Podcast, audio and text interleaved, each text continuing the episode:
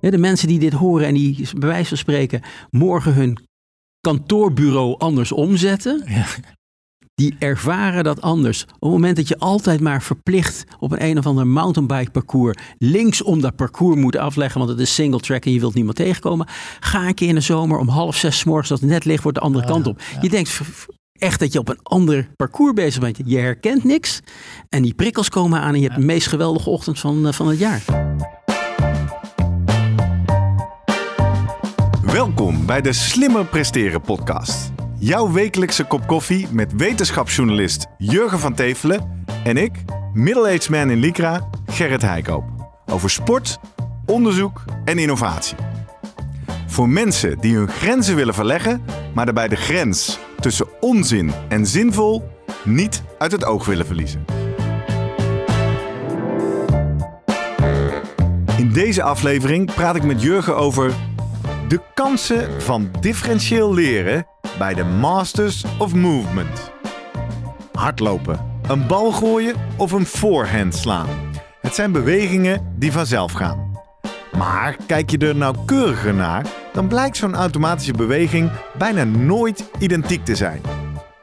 Is het inslijten van een perfecte beweging door hem te herhalen dan wel de manier om motorisch te leren? Of moet je juist variatie aanbieden? Was de vraag die centraal stond bij de derde bijeenkomst van de Masters of Movement van het ASM. Voordat we beginnen, nog even drie dingen om aan te denken als jij zelf ook slimmer wil presteren. Nummer 1. Druk nu gelijk even op abonneren, zodat je altijd direct in de gaten hebt wanneer er een nieuwe aflevering online komt. Nummer 2.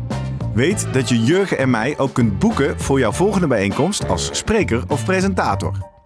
Neem gerust eens contact met ons op via de contactgegevens hieronder. En 3.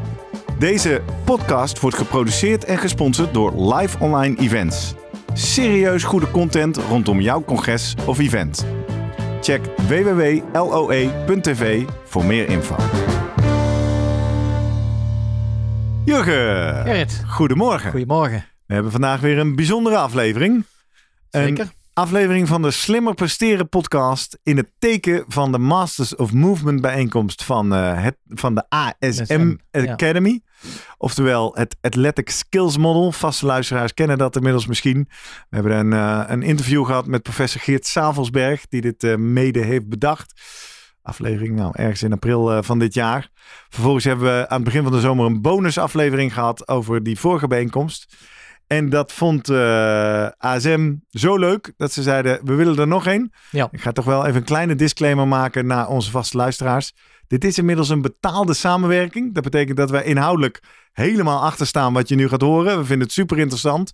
Maar feit is ook dat we, als we die samenwerking niet hadden, misschien niet nog een keer deze aflevering hadden gemaakt. Maar dat hebben we wel. Dus je gaat straks eh, Jeroen Otter horen, de coach van de shorttrekkers. We gaan eh, professor Wolfgang Scholhen horen, Ja. die erg veel onderzoek heeft gedaan naar differentieel leren. En natuurlijk Git Savelsberg en René Wormhout van ASM zelf. En tussendoor verweven ook nog jouw... eh, nou, vriend is een beetje flauw, Ja. maar eh, professionele kennis van het tv-programma Sportlab Sedok. Gregory Sedok. Ja, Gregory is aanvoerder van de, van de Masters of Movement. Ja. Er zijn dus een aantal bijeenkomsten waarin, nou ja, het is nu de tweede keer dat, dat ik erbij was. Ehm, ja, wat ze doen is natuurlijk, ze, ze nodigen de, de ASM mensen uit. Eh, ASM is eh, eigenlijk een model. Ja, het Athletic Skills Model. Ja, en dat eh, gaat uit van dat een, een beweging aanleren, motorisch leren. Dat, ehm, nou, dat horen we straks ook nog wel. Ja, er zijn heel veel verschillende benaderingen, theorieën over. De wetenschap is daar nog niet over uit wat nou de beste manier van leren is. Maar het Athletic Skills Model gaat in ieder geval uit van, nou, ehm, je hebt een aantal grondvormen. En het is goed om al die grondvormen, het zijn er tien in hun geval, eh, om die te oefenen.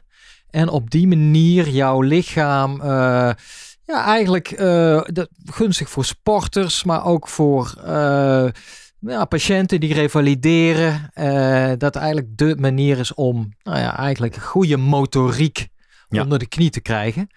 Ehm, ja, nou in dit geval, waar bestaat het uit? Je komt bij elkaar in Amsterdam. Ja. Eh, ze hebben een. Je bedoelt deze bijeenkomst nu, Ja. hè? Ja, die is specifiek voor mensen die al twee trainingsprogramma's van ASM hebben gevolgd. Dan ben je Master of Movement Ja. en word je uitgenodigd voor deze bijeenkomst. Wij vinden het leuk in deze aflevering daar een verslag van te maken. Zowel voor de mensen die er waren of niet bij konden zijn, als voor al onze luisteraars die daar wat mij betreft ook wat van op Ik gaan denk dat steken. een stuk 60, 60 70 mensen waren. Eh, ze hadden dan een topwetenschapper nodig die eh, nou, een beetje theoretische achtergrond geeft. Dan eh, halen ze een man uit de praktijk erbij. Je noemde het al, Jeroen Otter. En uiteindelijk kwam er ook nog een, een ja, praktisch gedeelte, een soort workshop. Om dan ja, al het geleerde om te zetten in, te de praktijk. Ja, ik vind het heel inspirerend. En vooral deze uh, Schulhorn was, ja, die zet je Dat is wel de Duitse professor. aan, zet je wel aan het denken. Prikkelt. En, Mooi, eh, ja, hij mooi. kan goed prikkelen en daar gaat het uiteindelijk om. Nou, ja. laten we die aflevering maar eens op gaan zetten. We hebben diverse fragmenten. Jij bent daar geweest met Mhm. de microfoon en de opnameapparatuur. Dus eh, laten we dat eh, gaan eh, doorlopen. Maar voordat we beginnen, dat zeg ik ook al in de intro, maar nu even inhoudelijk. Het gaat de hele tijd over differentieel leren. Ja. Wat is dat eigenlijk? Ja, van tevoren kregen we natuurlijk wat eh, theorie opgestuurd. Die heb ik eh, met eh, graag gelezen. Nou, er zijn verschillende modellen. als je nagaat, stukken, misschien wel tien verschillende modellen van motorisch leren. Theoretisch vanuit de wetenschap bezien. Van hoe leert dat lichaam uiteindelijk om een beweging aan? En, dat is wat motorisch leren is. ja, en dit is dus een onder de differentieel leren is door Schulhorn zelf geïntroduceerd, 1999. Nou, we- komen daarop terug hoe, hoe dan uiteindelijk, waarom is hij daarop gekomen. Maar het idee is dat, nou ja, eh, laten we hem tegenover eigenlijk traditioneel leren zetten. En die gaat uit van drillen eigenlijk van de perfecte, ideale beweging. Ja. Die moet je zo vaak mogelijk eh, oefenen. Misschien wel de 10.000 uren regel wordt dan wel eens genoemd. Nou, zodat het insluit. Een beweging moet insluiten. Dat is eigenlijk het traditionele idee van bewegingen aanleren. En hij schopt daar behoorlijk tegen aan. Hij heeft daar ook eh, goede argumenten voor. Door te zeggen, dit klopt niet met hoe het lichaam werkt. Want het Ah. lichaam... A, er is geen perfecte beweging. Het hangt heel erg vanaf welk individu het doet. En er is altijd variatie in beweging. Juist ook bij toppers. Als je nauwkeurig kijkt, die gaan echt niet twee keer precies dezelfde slag of dezelfde bij het speerwerpen dezelfde worp doen. Dus hij Juist zegt, niet. Terwijl we nee, dat altijd denken. Nee, Ja, ja, ja. en dat is door, als je daar inzoomt en hij zegt, dat is ook functioneel en dat past ook in zijn beeld van het lichaam is namelijk perfect in staat om zelf oplossingen te zoeken en daarvoor is het nodig om variatie aan te bieden. En, in, en dat zegt hij ook, en dat is dus differentieel leren. En dat heeft dus consequenties voor de manier waarop jij sporters, als coach sporters, iets wil aanleren variatie, fluctuaties. Want op die manier leert het lichaam, als jij elke keer hetzelfde aanbiedt, dezelfde beweging, ja, dan wordt het, het lichaam wordt daar gewoon heel lui van. Wordt lui, ja. Ja. En dat moeten we voorkomen. Nou, laten we maar eh, meteen eh, beginnen met de conclusies. Jij sprak na afloop met Gregory Sedok. Ja. En je vroeg hem, wat heb jij eigenlijk vandaag geleerd? Nou, wat ik met name heb geleerd is waar ik altijd dacht waar de kracht van herhaling zit in hè, het vaak doen. Het kwam ook al in een van de vragen naar voren over muscle memory, oftewel Ja. het geheugen van een beweging die we eigenlijk altijd maken. Dat werd even keihard tegengesproken Ja. hier vandaag. En ehm, in ieder geval door eh, Wolfgang uh. Ja. En hij kon het ook goed uitleggen, vond ik, aan de hand van, ehm, aan de hand van beelden en aan de hand van nou, eigenlijk een, een, een grafiek. Ja. En waarom, dat hebben ze gemeten. Ja. Ik vind het wel lastig, maar aan, want ik ben wel iemand uh, die gelooft in de kracht van her, herhaling. Maar aan de andere kant denk ik dat je moet blijven nadenken of het nog wel past in de tijdsgeest waarin we leven. Ja, Gregory uh, ja. heeft uh, dezelfde les getrokken dan jij. Maar hij zegt ook, ik heb nog wel een beetje moeite mee om dit zomaar te accepteren. Ja, dat komt vanwege het, het theoretisch kader natuurlijk. Dat is heel... En dan moet je dat om gaan zetten naar de praktijk. En ja, dat is gewoon lastig. Maar Ja. ik denk dat dat is ook de opzet van Schulhorn. Daar is hij ook heel, heel helder continu in. Van ja, past ook in zijn benadering. Hij is heel erg holistisch. Hij kijkt naar de totale mens. En zijn, eh, eigenlijk zijn theorie, dat is, daar pakt hij, dat is eigenlijk, ja, heeft hij uit verschillende vakgebieden, van pedagogiek tot filosofie, fysiologie, uh, neurofysiologie. Nou, heeft hij allemaal erbij getrokken, allemaal bevindingen. En ja, dat vindt hij ook heel belangrijk. Dat we, en dat is een beetje kritiek, denk ik, op de huidige manier van wetenschap doen, dat het heel erg reductionistisch is. En hij zegt eigenlijk, ja. Dat, Wat bedoel je daarmee, reductionistisch? Ja, uh, de, alle lastige dingen, eigenlijk alles terugbrengen naar, uh, ja, inzoomen op, ja, kleine onderdelen van Ja. het hele systeem. Ja. En daar ook je proefpersonen op eh, uitkiezen. En daar ook eigenlijk de, jouw jouw jouw setting waarin je experiment doen op eh, aanpassen. Ja. En dan vind je waarschijnlijk wel verschillen. Maar ja, uiteindelijk heb je te maken met een mens die ja, in de praktijk met heel veel andere dingen te maken heeft.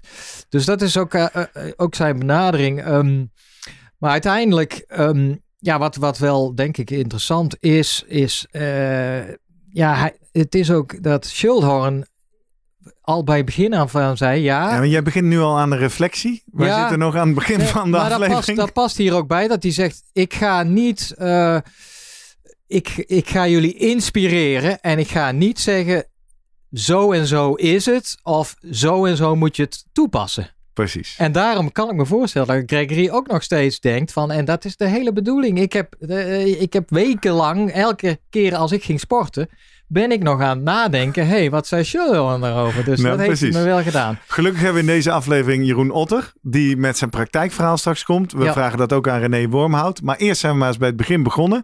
Geert Savelsberg, een van de professor Geert Savelsberg mogen we zeggen.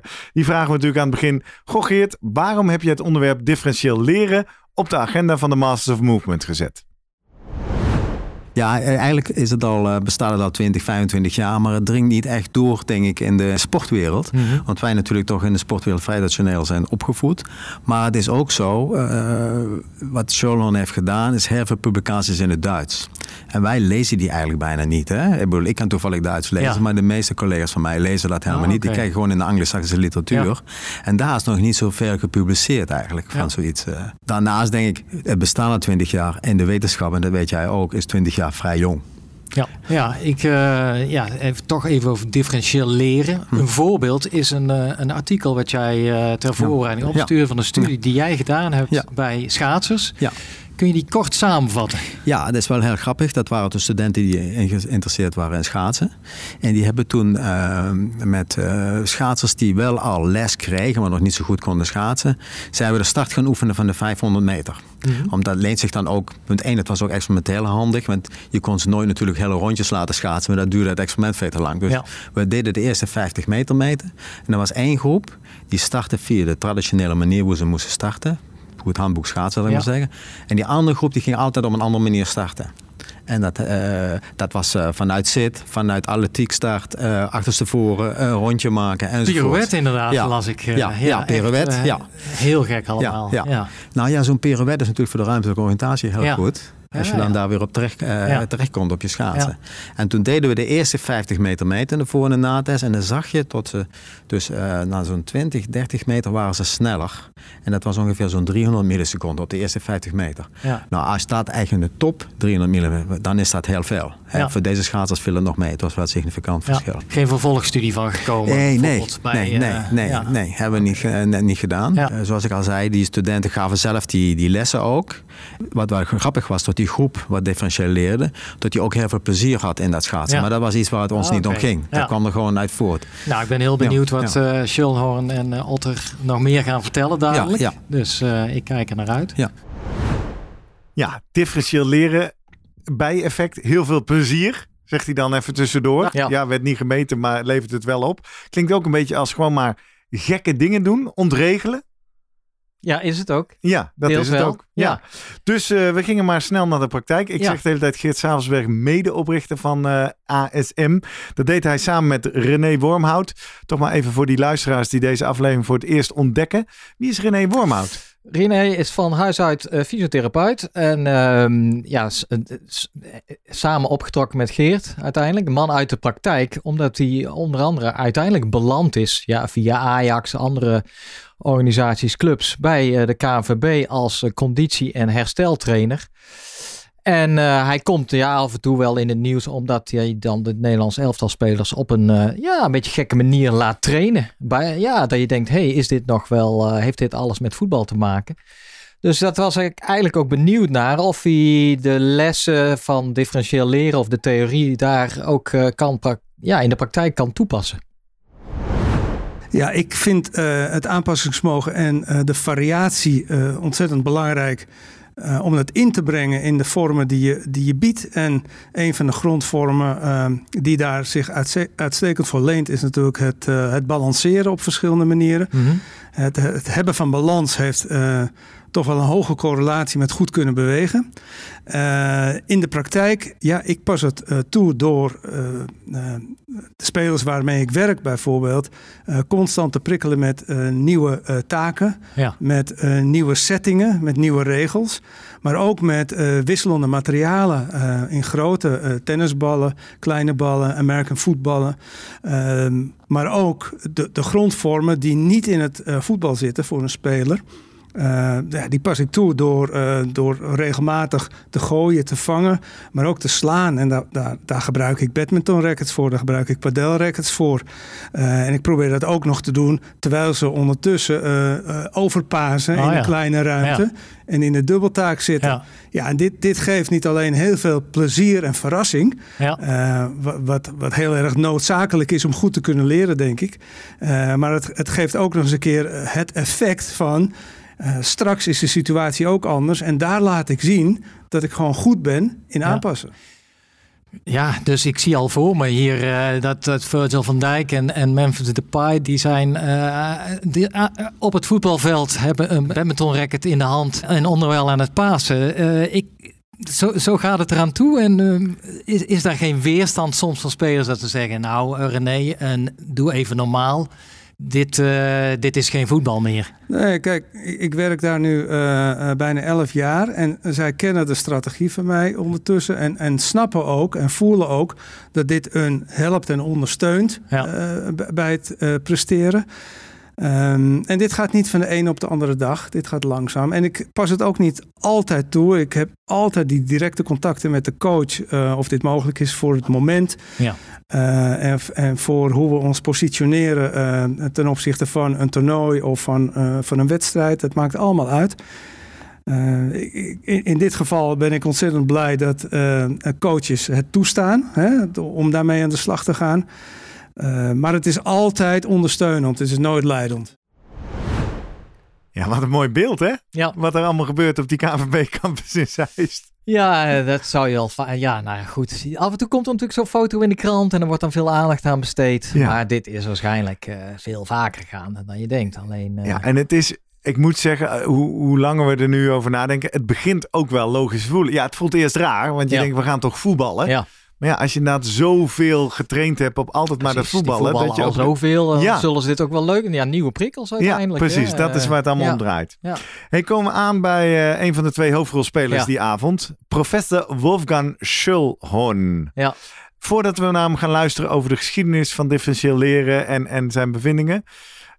Kende ja. jij hem al? Wie, nee. wie, is deze man? Super interessante kerel. Ja, echt. Het is... ja, we zien een typische wetenschapper met een fancy rode bril ja, ergens wel. Je zou denken, oh, dat is een Willy Wortel. Maar eh, nee, maar ik, dat heb je soms wel eens in die wetenschap. Zo'n ontzettende theoreet die het eens even komt vertellen hoe het in, de, in het echtje zit. Maar deze man, die heeft gewoon een achtergrond als atleet eerst. Hij komt volgens mij uit het handbal, raakte geblesseerd speerwerpen, kogelstoten, tienkamp, weer geblesseerd. Uh, en, en echt in de top uh, bereikt hij uiteindelijk in een aantal onderdelen. Toen vertelde hij uh, dat hij werd uitgenodigd bij bobsleeën. Nou, kwam hij ook echt in. Als atleet? Ja. Oké. En nou, heeft hij ook gedaan. En wat hem toen opviel, is dat hij elke keer eigenlijk ja, ander soort input kreeg over trainen en de manier van trainen. En dat hem, hij was, hij, hij was eigenlijk fysica-student, daar komt hij uh, vandaan.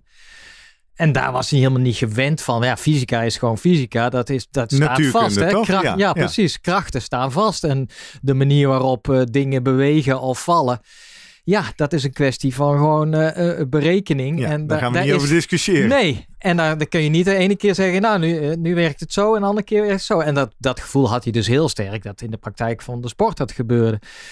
Nou, en, en hij had dan zelf ook die theorie, ging hij eerst al denken, ja, volgens mij, hij, hij had al een gut feeling dat het lichaam eigenlijk heel goed zelf kan leren. Uh, en dan, ja, dan dan praat je over dynamische systeemtheorie komt kijken. En hij, ja, het kan af en toe, daar haalt hij wat dingen, denk je, uit de fysica misschien wel eens. Maar wat hij vertelt, vond ik wel interessant. Hij zei, ja, toen ben ik uh, een hele nieuwe sport gaan doen, karate. En hoe ik dat deed, ik kreeg één keer in de week les en al die andere keren ging ik zelf aan de slag.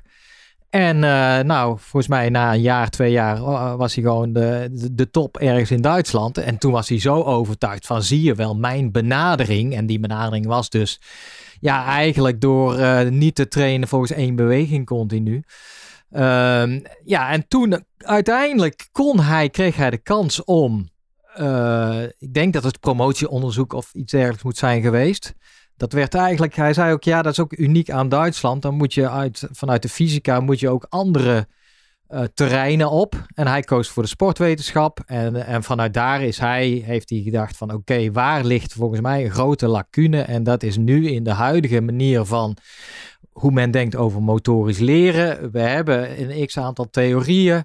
Nou, daar zitten allemaal haken en ogen aan. Maar ik kijk breder dan dat. Ik haal andere vakgebieden erbij.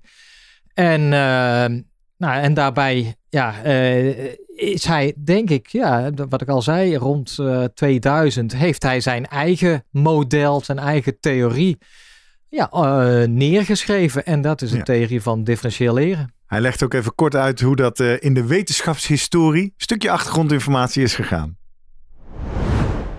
Well, first of all, thank you for this invitation.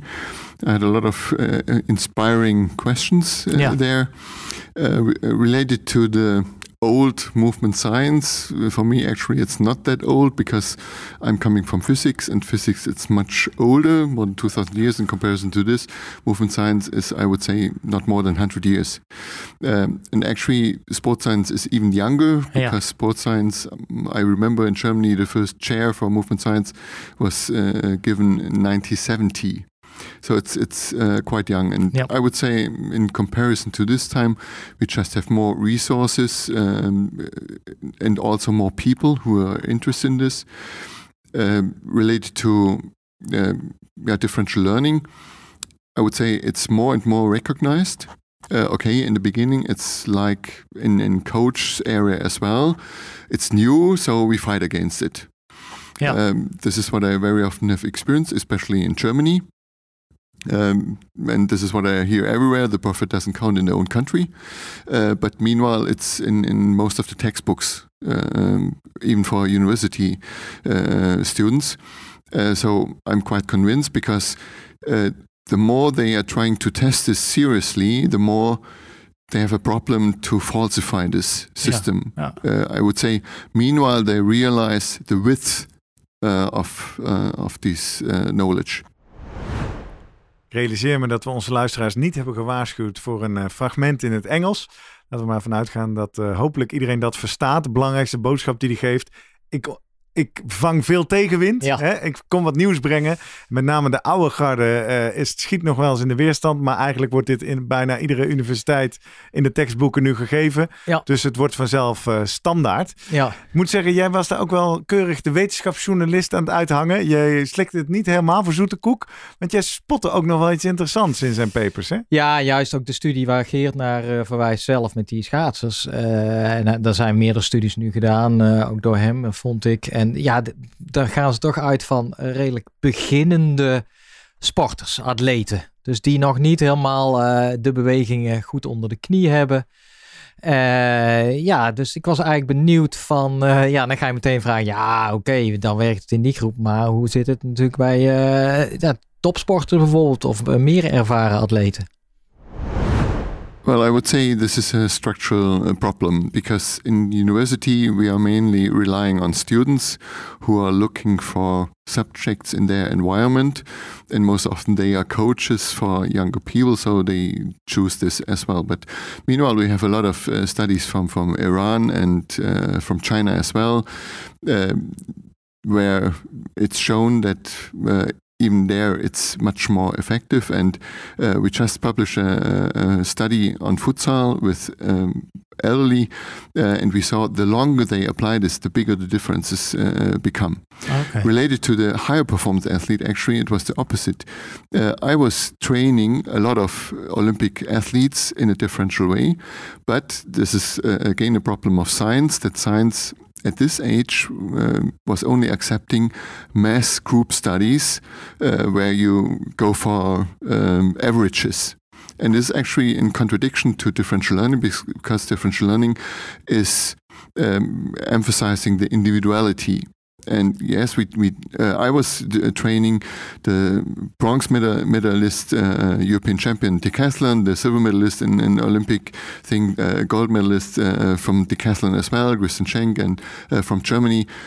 we were consulting a lot in the national team in the 80s and 90s with this, without having this this expression. Yeah. when I introduced this to to the national coaches they asked me exactly the same question. And then I asked them, okay, would you give me your team? Yeah, no, we, we don't do this until we know. Yeah, yeah. Uh, so we have a problem. Yeah. so you can live here when you have work, but you only can work when, uh, yeah. when you live here. Um, meanwhile, it's it's applied by uh, a lot of uh, football teams. Uh, Guardiola and, and um, uh, Manchester.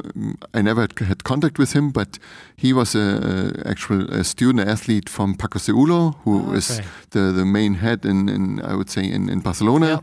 Uh, I was consulting Tuchel.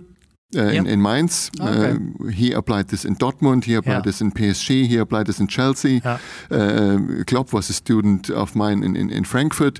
Uh, his um, therapist is also a student of mine. And what I observed there is even in the uh, Austrian ski flying uh, national team, they apply this without telling this to the public. Yeah. Because they say it's a secret. When they know it, all the they have. Um, I will lose that the advantage. Yeah. And this is why I don't talk about this. Yeah.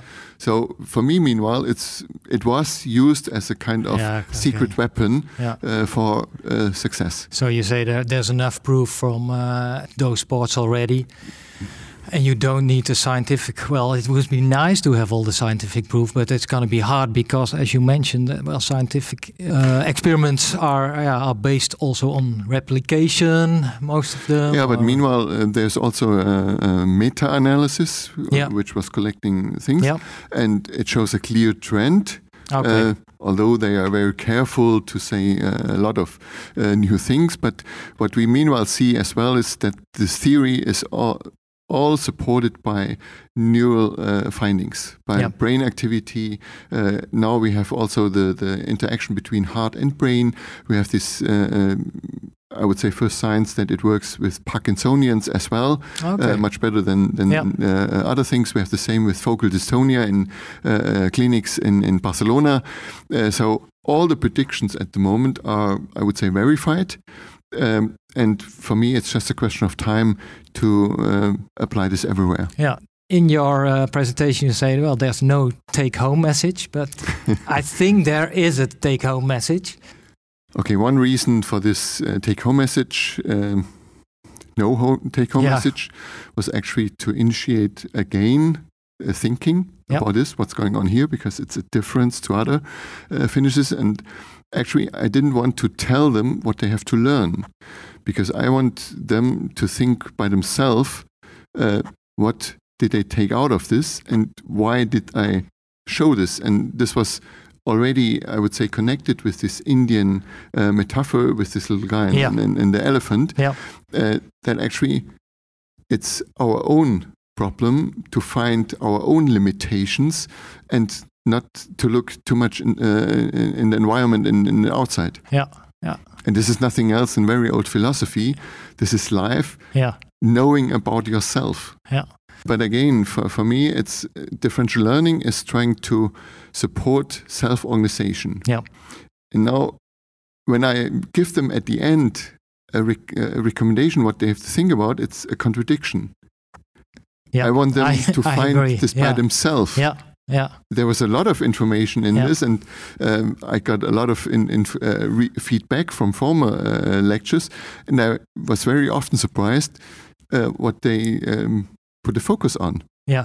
But yes, it's uh, the, the, the Indian people or the Chinese people would say we only meet people which help us to fulfill our karma.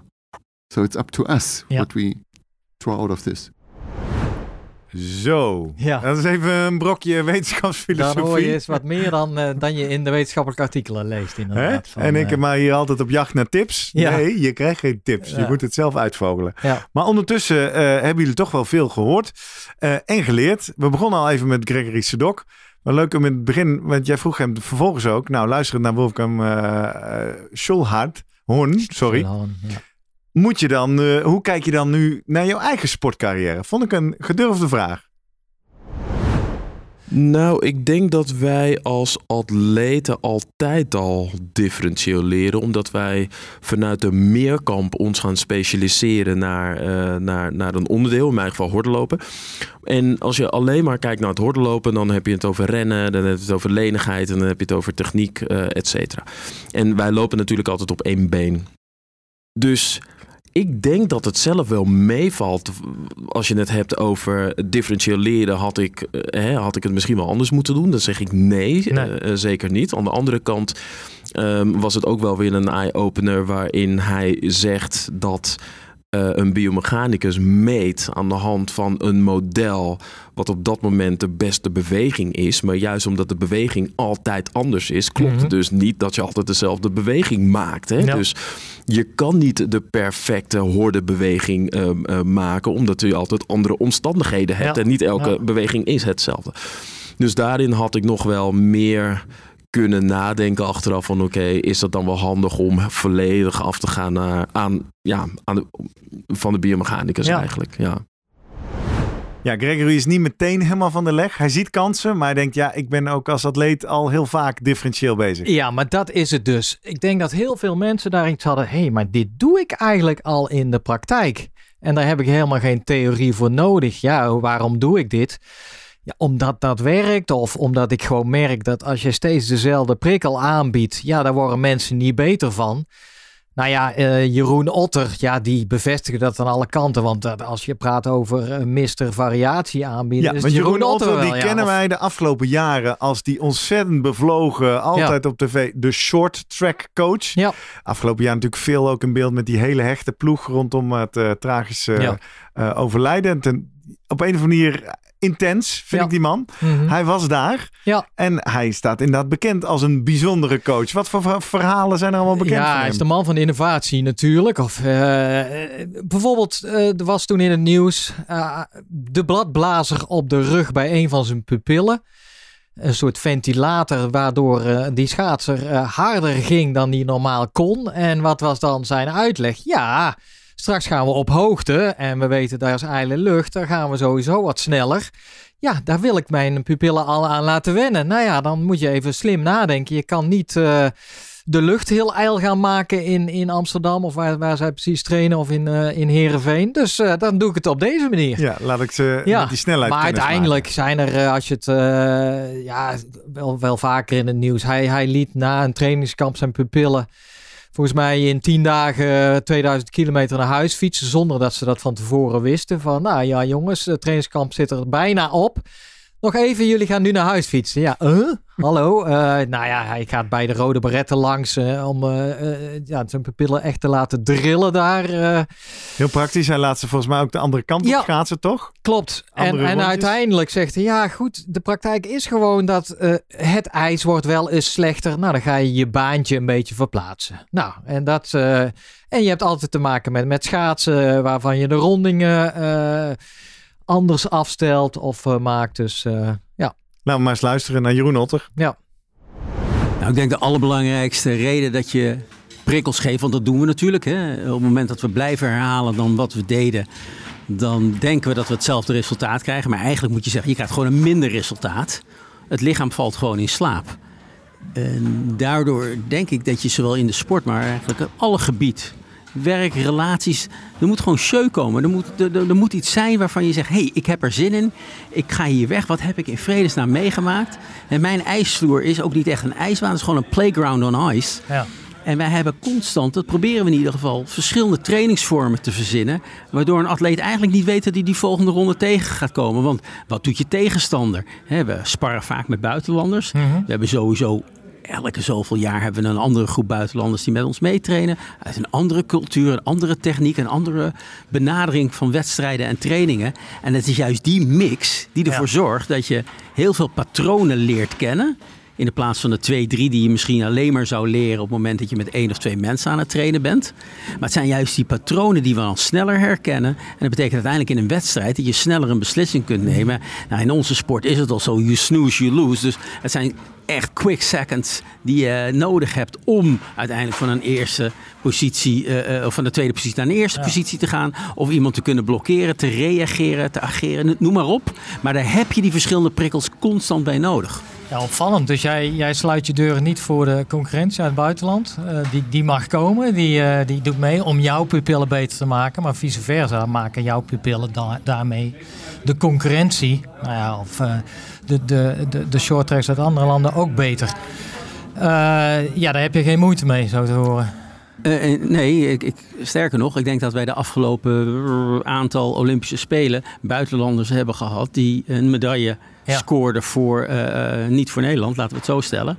Maar ik ben altijd van mening, op het moment dat dat gebeurde, betekent ook misschien wel dat Suzanne of het damesteam of Shinky ook die medailles heeft gescoord. Want ook hij is uitgedaagd. En ik, zal nog heel, ik weet nog heel goed dat we in 20, in aanloop naar een Pyeongchang Games in 2018, haalden we een Amerikaan binnen. Nou, die schaatsen echt heel vervelend. Dat vinden wij dan heel vervelend, want hij was niet te voorspellen. En techniek waarvan je zegt, nou jongens, jongens, die komt zeker niet uit het boekje uh, zoals je zou moeten leren schaatsen. En Shinky had echt met de eerste of tweede training al... Ik word helemaal gek achter die gozer. En toen dacht ik, beste beslissing die ik voor Shinky heb kunnen maken. Ja. Waarom? Omdat hij constant wordt uitgedaagd. Constant heel erg bewust is dat er iets gebeurt, maar hij kan het nog niet lezen. En gedurende het seizoen is hij uiteindelijk dat boek gewoon van voor naar achter, van onder naar boven. Elke letter, elk woord kon hij spellen. En uiteindelijk scoorde hij daar prima mee op te spelen. Ja. Je noemt het al techniek, hè? Ja, eh, short track schaatsen is een technische sport. Daar heb ik een beetje net van, van professor Schulhorn gehoord. Ja, dat bijvoorbeeld de ideale beweging niet bestaat. Hè? Dat het natuurlijk individueel afhankelijk is. En, en, en nogal varia variabel ja, eh, van dag tot dag of van moment tot, moment. Ja, hoe kijk je daarnaar met uh, jouw ogen van coach die kijkt naar natuurlijk de, de schaatsbeweging van jouw pupillen? in het verleden. Ja, in, in het shorttrack heb je eigenlijk drie pilaren, drie fundamenten. Dat is de fysieke capaciteit. Je moet uiteindelijk gewoon fysiek sterk genoeg zijn om te doen wat je moet doen. Dan heb je de techniek, zoals je hem noemt. Dat noem ik niet zozeer techniek, maar dat kan ik hier wel benoemen. Maar het is eigenlijk de efficiency waarmee je beweegt. Mhm. De beweging die je nodig hebt. Hoe kan je dat zo efficiënt mogelijk doen? Met zo min mogelijk energie die je daaraan moet toevoegen. En dan heb je de tactiek, het spelelement. Nou, er zijn rijders die dat alle drie heel goed beheersen. Dan is het een prachtige een derde, een derde, een derde. Maar je hebt ook rijders die natuurlijk twee van de drie prima onder controle hebben. Alleen die, die, het, het spel, het tactische element gewoon wat minder. Of het technische element wat minder. Of het fysieke element gewoon wat minder ontwikkeld hebben. En ja, dat is aan mij als coach om dat aan te bieden en te kijken of we dat een soort met gelijk kunnen trekken. Aan de andere kant, je moet ook de kwaliteiten van iemand, of die nou hè, gewoon bij de geboorte meegegeven zijn of in de jaren voordat ze bij mij of hij bij mij kwam in het team, dat die zo derg ontwikkeld zijn. Daar moet ik natuurlijk ook niet mijn ogen voor sluiten. Ja. Ehm, maar techniek, hè, laten we dat dan maar even noemen, efficiëntie van een schaatser, ja, die, die tekent zich niet zomaar uit. Natuurlijk zijn er een aantal belangrijke elementen. Dat geldt voor iedereen. Grosso modo moet je met je benen gebogen over het ijs heen gaan. Ja. Je moet met het bovenlichaam laag zijn, want dan heb je gewoon te veel luchtweerstand. Je kan zeggen, nou ga maar rechtop staan, who cares? Nou, dan weten we, die atleet gaat het niet halen. Maar daarna, ja, geen schaatser lijkt op een ander. Maar je kunt wel, en dat is wel weer mooi, je kunt wel scholen herkennen. Je kunt wel achtergronden herkennen. Je kunt wel een Aziat over het algemeen van een Amerikaan of van een Europeaan onderscheiden. Je kunt grote atleten van kleine atleten onderscheiden. Je kunt dunne van dikke. Ja, en dik bedoel ik dan niet zozeer. Eh, maar dat zijn dan mensen die gewoon heel veel spiermassa hebben. Ja, de ene die rijdt dan toch meer op zijn kracht. En de ander, ja, die heeft die kracht niet. En dat is het allermooiste. Op het moment dat een atleet uiteindelijk laat biologisch volwassen is, betekent dat dat hij de hele tijd op zijn efficiency heeft moeten oefenen. Nou, en dat zijn natuurlijk uiteindelijk de atleten die op het moment dat dan wel de baard in de keel komt en er wel wat uh, haargroei uh, op het gezicht komt, ja, dan zijn dat de kampioenen natuurlijk. Dus die hebben die optimale schaatsbeweging uiteindelijk ook ontdekt. Nou ja, op welke manier dan ook, maar in ieder geval door door prikkels aan te bieden. En uiteindelijk heeft dat lichaam dus voor die uh, perfecte oplossing, of in ieder geval uh, een hele goede oplossing voor hun gekozen. En wat, wat past natuurlijk in, uh, in het differentiële leren. Ik noem, het, ik noem het maar. Was jij bekend met de term? Ja, ik heb Jules eerlijk gezegd al in 2010, 11, 12 presentaties ja. gegeven. En okay. ik ken wel wat van zijn onderzoeken. Ehm, dus ja, nee, ik ben. Maar het is me ook nooit gek Nee. Het heeft me ook nooit, het heeft nooit gek geklonken voor mij, want ik, ik geloof er juist heel erg in. Uh, het is juist die verschillende aanbiedingen van niet alleen van jezelf wat je met je techniek doet, maar ook je omgeving die verandert. De ijskwaliteit verandert. Op het moment dat het vochtiger is in de lucht, ja, dat zal een leek denken, hoe cares. Maar die ijsvloer die verandert gigantisch snel. Uh, je kunt je voorstellen, op het moment dat het ijs min 6 graden is of min 3 graden, ja, dan zou een normale leek zeggen, ja, het is toch ijs. Ja. En niet helemaal op het moment dat je tot dat niveau komt. Op het moment dat je op een 43 centimeter lang mes rijdt, op 45 centimeter lang mes, ja, dat zijn zulke grote verschillen. Die zien wij als coaches wel, als specialisten, maar die ziet een leek, ziet dat niet. Of een atleet nou op een 1,1 mm dik mes rijdt of een 1,05 mm dik mes. Dan denk je, hoe cares? Ja, maar dat zijn toch wel verschillen. Echt, dat zijn procenten verschil. En we weten allemaal, als je salaris met een paar procent wordt ingenomen, zoals nu, zien we dat iedereen stijgt. Dus uh, kleine verschillen maken uiteindelijk ook nog hele grote impact. Dus het is eigenlijk wel, ja, je, je wist het al vanuit de praktijk, donders goed, hoe, hoe, hoe uh, eigenlijk die schaatsbeweging beïnvloed wordt door al die omgevingsfactoren en, en ja, lichamelijke factoren, vermoeidheid. Maar ja, met de theorie er nu bij en ondersteund een beetje ook door nou ja, theoretisch uh, wetenschappelijk uh, model van de differentiële leren, denk je, oké, dat, dat past mooi. Denk ik nog steeds, uh, ja, prikkels aanbieden. Het kan ook wel eens verkeerd gaan misschien, of je hebt weerstand van pupillen. Heb je ook wel eens gedacht achteraf van, hm, dit had ik niet moeten doen of dit of, of gaat tuurlijk, het, tuurlijk. kan het niet fout gaan eigenlijk? Nou ja, zeker. Het kan wel fout gaan. En fout gaan is niet zozeer uh, uh, dat je heel erg terugzakt in, in, in, in, wat je gedaan hebt. Het is gewoon, het komt niet aan. Ja. Ik bedoel, je, je, hebt iets voor ogen.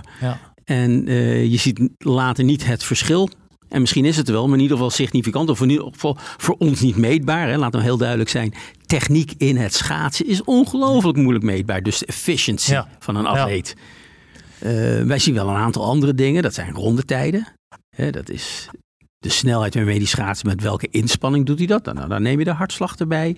Je kan natuurlijk ook misschien, wat, wat is zijn ervaren mate van inspanning, zoals mm ze dat noemen? Hè? Hoe heeft hij die training ervaren? Wauw, je rijdt verdomd snel en dat doe je ook nog een aantal keren achter elkaar.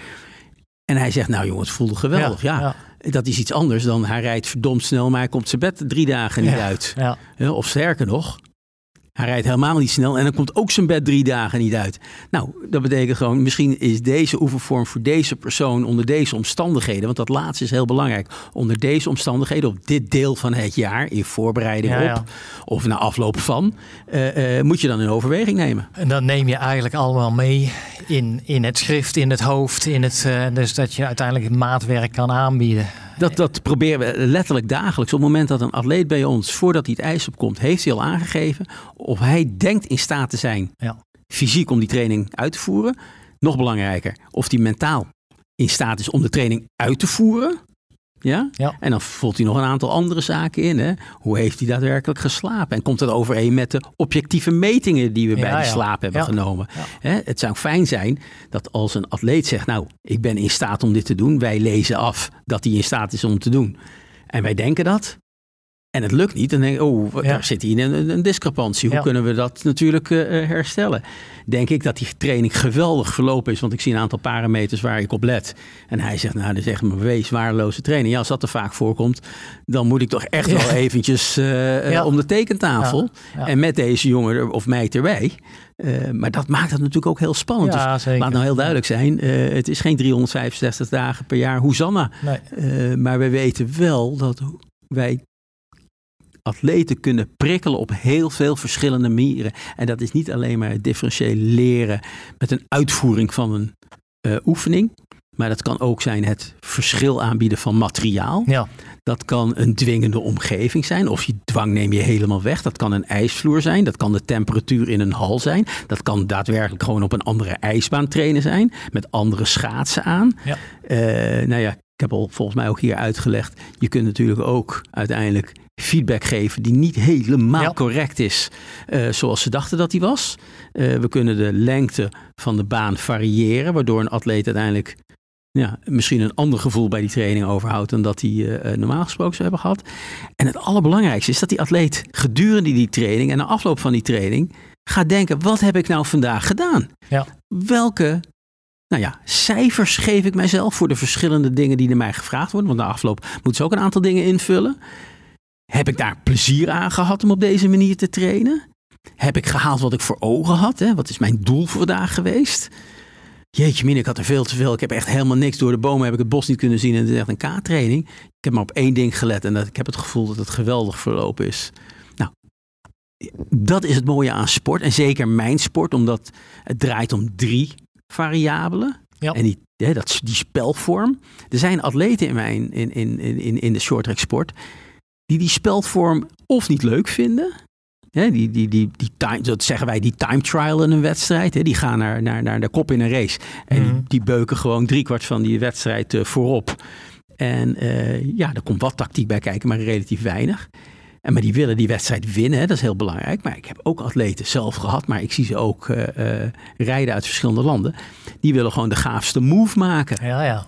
Hè, Ja. Dat zijn de daredevils, die zijn, dat zijn, die zijn publieksgeil, die, die, die, die willen gewoon een high five. En of ze hem nou winnen die wedstrijd of niet, who cares, maar ik heb de gaafste move gehaald. Ja. Sterker nog, Ja. ik heb twee gasten die uiteindelijk deze wedstrijd hadden moeten winnen, heb ik achter me gehouden. Niet omdat ik ze graag wilde winnen, maar ik wilde ze hun gewoon achterhouden.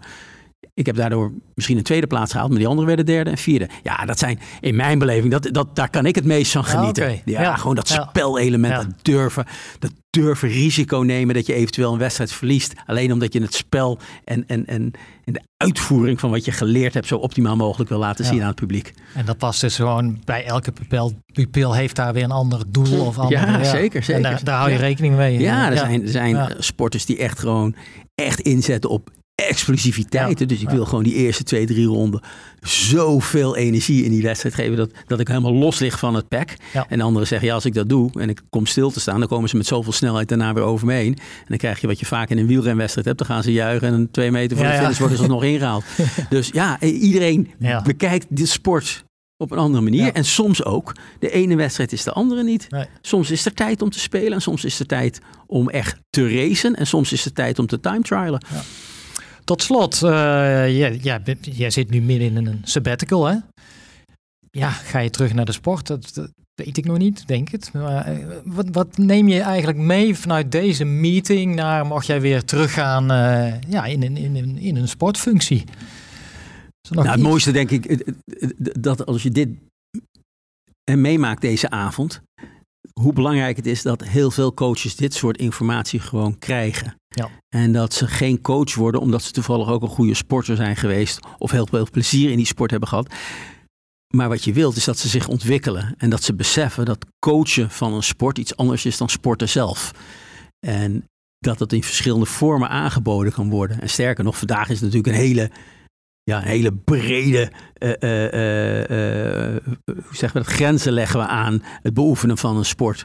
Nou, ik denk dat iedereen dat in ieder geval een aantal keer gehoord moet hebben. En nog belangrijker, en dat zien we vaak op dit soort bijeenkomsten wel, we voelen mee, ja, we, we worden enthousiast, maar zetten we het om in actie. Ja. We zijn allemaal gepassioneerd. We- anders kom je hier niet op je vrijde, eh, vrije vrijdagavond.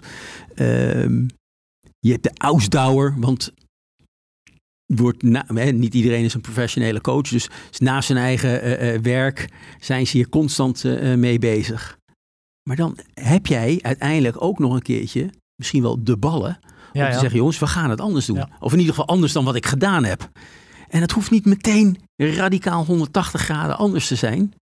Ja, maar als je het een paar graden anders doet, is al, Ja. al een prikkel. Die al, heel simpel, ga eens op een andere plek op jouw veld, op je ijsbaan, in het zwembad staan waar je regel, eh, normaal staat als coach. Ja, laat sporters ja. op een andere manier het ijs opkomen. Deel in de plaats van hashjes iets anders uit. Weet je, hele kleine verschillen doet al wat. Hè, de mensen die dit horen en die bij wijze van spreken morgen hun kantoorbureau anders omzetten, Ja.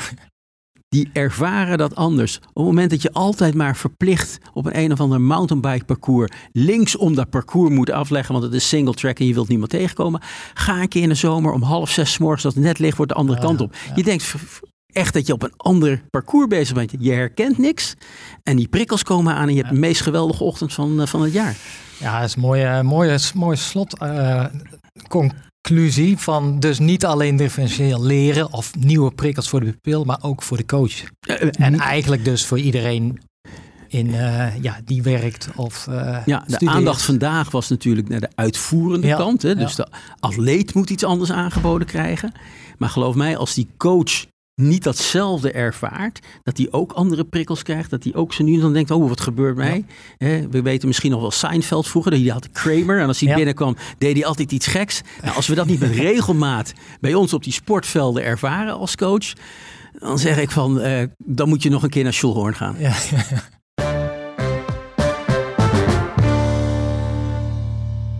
Ja, wat een fantastisch Ja. gesprek, Jurgen. ja.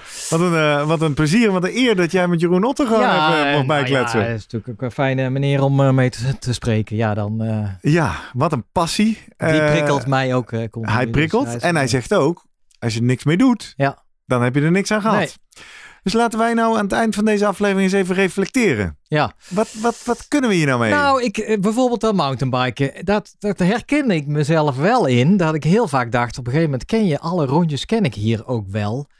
En dan, hier op de ik, Utrechtse Ja, en ik ben inderdaad wel eens iemand tegengekomen, maar dan weer een wandelaar op dat pad die me tegemoet kan. En dan word je een beetje van, nou ja, sorry, maar dit is een mountainbikepad en we moeten Ja, die we kant moeten op. die kant op. Zo gaat dat hier. Maar toen dacht ik eigenlijk naar wat hij zei. Ja, waarom kunnen we niet gewoon zeggen, nou, de, de, of inderdaad, 's ochtends vroeg eh, doen we hem een andere kant op. Of de helft van de dagen mag je de ene kant op, de andere. Ja, kunnen we dat niet in elkaar zetten? Dus, want op een gegeven moment, wat je krijgt, is dat ik soms denk, ja, moet ik dan eh, de auto pakken met mijn mountainbike en naar een nieuw rondje rijden om die prikkels te krijgen?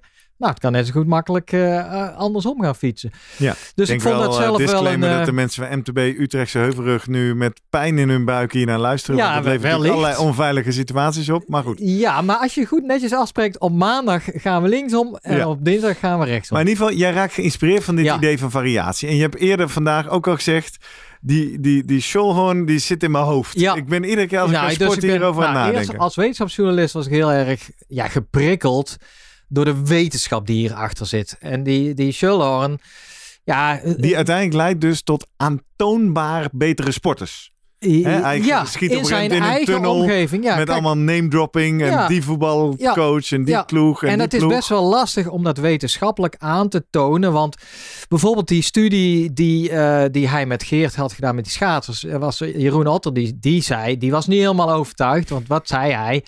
Ja, ik snap het wel. Dit zijn mensen die normaal nooit aan hun start eh, oefenen, werken. Ja, ja. Want die, die, mogen, ja, die gaan gewoon rondjes op de ijsbaan. Daar is het druk. En dan kan je niet even stoppen en je start gaan oefenen.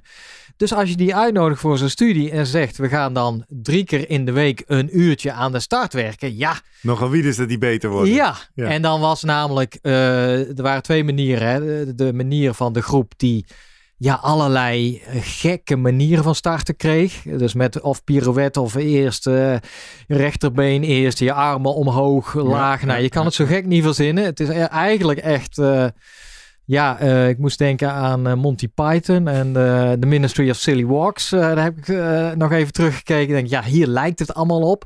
Mensen gekke dingen laten doen. Maar daarmee zijn ze wel bewust ineens van... hey, je kan ook starten. In ieder geval bij, eh, bij het schaatsen. Uh, want ze hadden ook een groep die hadden. Wat was, wat was het antwoord dan van Geert en uh, Sean op uh, Jeroen Otter? Ergens wel van ja, klopt. Maar ja, dat is de wetenschap. De wetenschap wil gewoon eerst iets aantonen dat iets werkt. En dan heb je gewoon binnen dat kader. Moet jij eigenlijk jouw experiment zo opzetten dat het, ja goed, de, dat, het, ja, dat je ook verschillen gaat vinden. En dat is wel het, het ding wat, wat Schulhorn ook uh, op zit en over geschreven heeft. Die hele replicatiecrisis die we kennen in de wetenschap. Hè? Ja. Dat op een gegeven moment kwam naar buiten, vooral in psychologie, uh, psychologie-studies. Maar sportwetenschapper heeft er ook wel uh, mee te maken. Ja, dan wordt er iets gepubliceerd en dan gaat de andere groepen doen. En die vinden geen verschil of die vinden dat effect niet. Nee. En dan, dus je kan het niet repliceren. En dan is de wetenschappelijke standaard, ja. dan mag je het niet voor waar aannemen. En nou, hij zegt gewoon, ja, dat is dus het lastige aan motorisch leren. In ieder geval, als je differentiëren leren, uh, als, je, als je daarin gelooft, of in ieder geval denkt, zo werkt het. Want ja, dan ga je nooit hetzelfde vinden, omdat dat uh, eigen is eigenlijk aan differentieel leren. Of aan, ja, aan... en aan de individuele sporten hoor ik hem ja. zeggen. Dus je kan helemaal niks repliceren. Maar dat vond ik wetenschappelijk filosofisch een moeilijke. Ja, nou Want ja. dan zeg je eigenlijk, goh, er is geen kennis te ontwikkelen en er is geen kennis te delen, want ieder mens is anders. Uh, Waar ja. komen we dan uit? Ja, nee, dat is het. Ja, want nou, hij staafde dat ook nog van, hij heeft uh, studies gedaan waar die mensen elke dag uh, nou, naar het lab liet komen. Ja. En had hij een, een, een loopband liggen ja. met krachtplaten erin. En dan kun je heel netjes zien welke kracht, uh, met welke kracht wordt afgezet en de, de voet neerkomt. Mm -hmm. En hij liet ze gewoon wandelen en hij deed dat bij wijze van spreken zes keer of misschien wel vaker op een dag.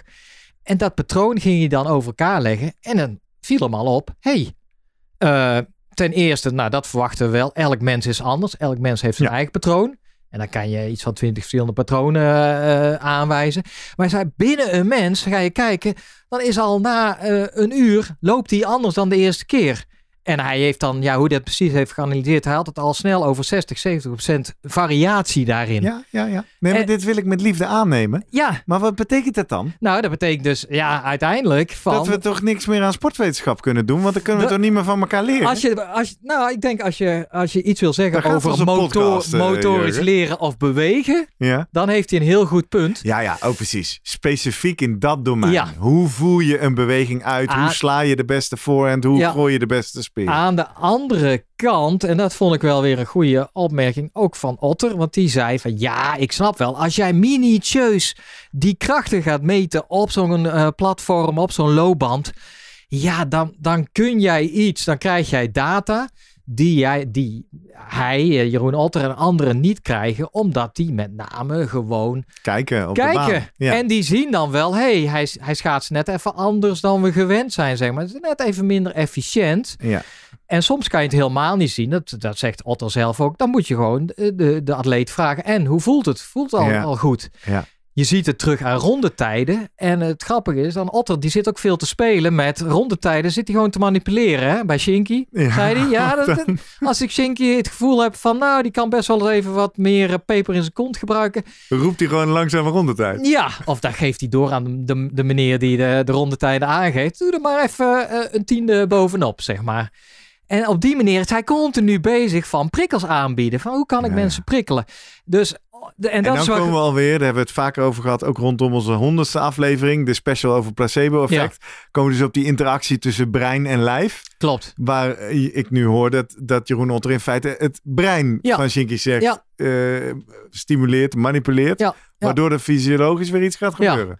Dus dat is dan ook van, ik denk dat er, eh, dit, dit geeft wel aan gewoon de, ja, het spanningsveld tussen theorie, wetenschap en praktijk. Ja. Eh, en Otter vult dat denk ik heel, heel netjes in. Eh, zo- ja, die hoeft niet zo eh, van Schulhorn meer te leren. Die heeft van nature ontdekt. En, en Schulhorn valideert in feite, Ja. alle mensen zijn anders en variatie is goed. Ja, En dan kunnen we op microniveau die bewegingen studeren, maar we kunnen ook wat uitzoomen. En maar- dan kom je uit bij wat Otter zegt. Verander gewoon dingen. Zorg voor Precies, variatie. dat past dan mooi samen, want dat is dus waarom Schulhorn zegt: ja, nee jongens, hou op met dat drillen en de perfecte beweging, die bestaat niet. Jij hebt toch ooit getennist? Ja. Moest je toch honderdduizend keer diezelfde nou ja, forehand swing ik, maken? ik denk nog steeds van, eh, hoe heb ik het geleerd? Er was een, een leraar die ging achter je staan en die pakte je arm en die sloeg dan mee. Of je had een balkanon die honderd keer dezelfde soort bal op je afvuurde. Ja, dat slaat echt helemaal nergens op eigenlijk. niet? als je dit... Maar niet vanuit de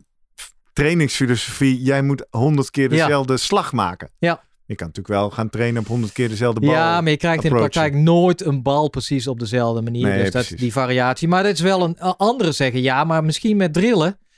Dan ga jij denkt dat je honderd keer dezelfde slag doet, maar die dat Nee, is dat in de heb je praktijk niet. niet. Nee. Alleen het, het uitgangspunt is anders. Want op dit moment wil jij toch in je, eh, denk jij steeds dezelfde beweging uit te voeren. En Schulhorn zegt juist: nee joh, je moet gewoon echt variatie, fluctuaties aanbieden. En dat kunnen best wel hele gekke dingen zijn. Want hij deed daarna zo'n zo'n workshop.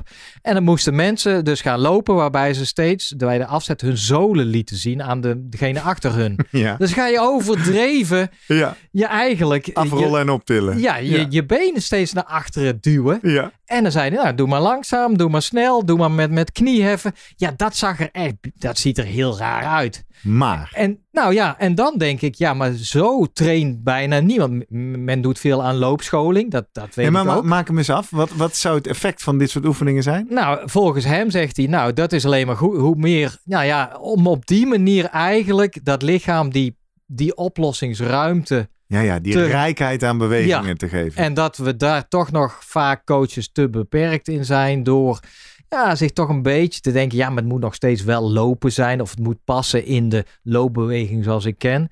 Schulhorn die gooit dat best wel overboord. Die zegt, hoezo? Eh, Ja. wat is, want er is toch geen perfecte beweging en je kan het ook helemaal nooit fout doen. Dat is ook zijn, zijn punt. Dus dat is denk ik het laatste wat ik er nog over wil zeggen. Feedback geven. Ik kwam een beetje met een, nou, een beetje directe vraag. Daar, daar, was, daar moest hij wel even om lachen. Ik zei dus, eh, dus zoiets van feedback eh, geven past niet bij differentieel leren. Hè? Dus de terugkoppeling Mhm. van... eh, je, Van ja, dit doe je goed, dit ja, of ja, je moet iets meer zus, je moet iets meer zo. Hij zei, huh? heb ik dat ooit gezegd? Nee, ik zeg dat ook niet. Dus toen heb ik dat even anders... takeaway met... Ja, anders gevraagd van in, welk, in hoeverre speelt feedback geven een rol? En hij zegt ja, eigenlijk een differentieel, differentieel leren niet. Je lichaam geeft de feedback. Ja. En dat zei Otter eigenlijk bevestigen. Dat zei, ja, wij zijn ook helemaal niet bezig met van... Hey, eh, Shinky, je moet nog even die schaats iets langer aan het ijs houden. Of eh, ja, even net anders neerzetten. Nee, wat je vaak doet, die, die feedback komt vanuit het lichaam zelf. Mhm.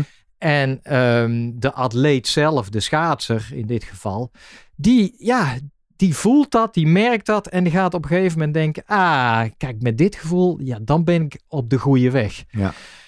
Ja, dat is dan... te- Doe me denken aan wat we leerden van Wouter Hoogkamer. Ja. eh, die dat had over hardlopen. Die ook Ja. zei dat lichaam gaat op zoek naar zijn meest efficiënte beweging. Dus er is gewoon feedback, is er altijd, maar die hoef je helemaal niet van een coach te krijgen. En vooral helemaal niet dat die zegt, hey, dit doe je niet goed of doe je fout, want de perfecte beweging is en zo. Nee, dat lichaam geeft dan, eh, is bezig met het te optimaliseren. En krijgt continu informatie, geeft die ook aan jou, aan jouw gevoel en mee van hey, dit, eh, dit is goed, dit voelt goed. Begin Eh, wel steeds beter te begrijpen hoe provocatief dit is. Want als je dit nu allemaal zegt, dan denk ik opeens alle video-analyses Ja. dan. En eh, in minutieus met lijntjes Ja. op het scherm, videobeelden bekijken en zeggen, dit moet net... Hè, je, volgens Ja. mij met Sportlappen precies. zijn jullie ook geweest in Eindhoven bij het zwembad, toch? Waar we iedere startbeweging Ja. minutieus... Papendal doen ze het ook. Dan heb je alles kan je meten natuurlijk van. eh, En is dat dan allemaal niet de moeite waard? Dat is te kort door de bocht, hè? denk ik. Ja, nou ja, het ligt eraan van. Want er gaat ergens, als jij daarbij in het achterhoofd houdt. Want de perfecte manier van Ja, ja. lopen of zwemmen gaat is dit en dit. je doet. Ja. Ja. maar je kan denk ik wel eh, veranderingen meten op die manier, trends en et cetera. Maar ik denk niet dat je te vasthoudt en vooral moet zeggen, die en Dit die doet ideaal. het zo. Ja. Dus wij moet, dan moet jij het ook zo en zo doen. Ja, want dat is wel leuk aan deze setting. Eh, ik noemde het al, het tv-programma Spor- Sportlab Sedok. Daar ben jij eh, de wetenschapsredacteur, zowel in Ja. beeld als achter de schermen. Dus op het einde eh, kwamen jij en Gregory elkaar nog even tegen en zei jij nog... Goh, wij hebben daar toch gestaan bij die 100 meter Ja. sprint. Ja. Moeten we nou terug naar de Atletiek Unie om ze even te vertellen dat het allemaal anders moet? Jij hebt nog wel contact met die Atletiek Unie. Ga, Ja, je, ja. ga je dit meenemen in een, een gesprek misschien met de, met de huidige coaches? Of eh, wat denk je? Nou, wat ik, wat ik, kijk, ik drink, eh, ik probeer vaak kopjes koffie te drinken met, met coaches die daar rondlopen. En, en ook mijn ideeën, hoe ik denk over eh, bepaalde technieken. Hè? Want ik, nou, zoals je weet ben Ja. ik ook echt van de techniek. Ehm, dus ja, ik zal, dit, ik zal dit meenemen. Alleen het leuke is dat de meeste coaches bij de Atletiek Unie, niet, niet, niet iedereen, maar die zijn ook wel echt wetenschappelijk bezig. Eh, die werken met natuurlijk eh, met een topteam van, van wetenschappers. Dus, dus die zijn al op een heel hoog Ja. niveau hoor. En, en, en laten we wel wezen, sport blijft ook altijd een gevoel. Ja. Hè, je kan niet alleen maar blijven meten en zo moet het, omdat er steeds andere omstandigheden zijn. We hebben het Jeroen Otter vandaag ook horen zeggen. Het ijs verandert, en de omstandigheden in de finale zijn anders. Dus je moet ook wel goed blijven luisteren naar je gevoel. Nou, je kunt wel horen waar jullie elkaar vinden, hè? van deze. dat vinden we leuk. Het is maar goed dat Guido Vroemen niet hier in de kamer zit. Lekker op het gevoel af. Mooi. Wat, eh, wat een mooi rijk verslag. Ja. En eh, leuke aflevering van de Slim Presteren podcast zo geworden. Ja. Mooi verslag van de Masters of Movement. Straks op het einde, na de aftiteling, eh, hebben we nog even Geert Savelsberg. Die vooruitblikt naar de volgende Masters of Movement eh, bijeenkomst. Dat is dus alleen toegankelijk voor de mensen die in dat programma zitten en worden uitgenodigd. Maar ik geloof dat de samenwerking goed bevalt. Dus eh, dat wij daar ook weer met de microfoon zijn. En eens kijken wat we daar eh, voor kennis weg kunnen slepen. Ehm, leuk, gaan we kijken. Ja. Laat ik nu voor al die nieuwe luisteraars, het zij uit het netwerk van ASM, het zij van de Slimme Presteren podcast, omdat je ons nu eenmaal hebt ontdekt, nog één keer eh, uitleggen hoe je met ons mee kan praten. Kan namelijk op een aantal verschillende manieren. Je kan naar Slimme Podcast op social media, zowel op Twitter als Instagram zijn we te vinden. Volg vooral, ons vooral even, want dan krijg je namelijk iedere week van iedere nieuwe aflevering op vrijdagochtend een post. Die kan je retweeten of daar kan je hartjes op geven. Of eh, je kan ons DM'en met jouw vragen en opmerkingen. Of ga naar onze website www.slimmerpodcast.nl. Vind je van iedere aflevering een eigen pagina. Dus ook van deze. Dus mocht je nou iemand eh, kennen waarvan je denkt... hey, dat is echt interessant dat die dit ook even hoort over differentieel leren. Pak die link op en deel hem in jouw netwerk. En zorg dat zoveel mogelijk mensen kunnen profiteren van deze mooie inzichten. Of je kan ons mailen naar post.slimmerpodcast.nl voor al jouw vragen, opmerkingen en aanvullingen. En eh, dan staan we je zo snel mogelijk te woord. Ik zeg altijd maar erbij, we lezen alles meteen. Duurt soms even voordat we toekomen om het allemaal netjes te beantwoorden. Dat was hem, de special rondom de Masters of Movement eh bijeenkomsten rondom differentieel leren. Jurgen, dankjewel voor jouw eh, belangrijke reportagewerk. Graag gedaan. En eh, ik zie jou volgende week weer. Gaan we het hebben over iets bijzonders. Namelijk het effect van hittetraining in de winter. Ja, daar ben je benieuwd naar, hè? Zeker.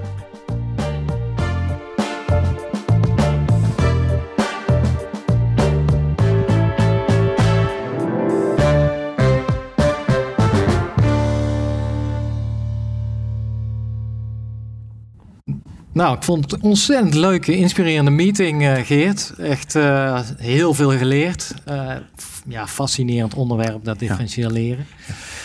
Ja, ben benieuwd eigenlijk de volgende keer. Waar gaan we het dan over hebben met de Masters of Movement? De volgende keer heb ik eh, Margriet Siskoorn. En die moet ik nog mee bespreken. Maar ik wil dat ze iets vertellen over hersenen en creativiteit. En misschien nog iets over het ouder wordende brein. Ja. En daarnaast heb ik iemand uit Portugal, Sarah Santos.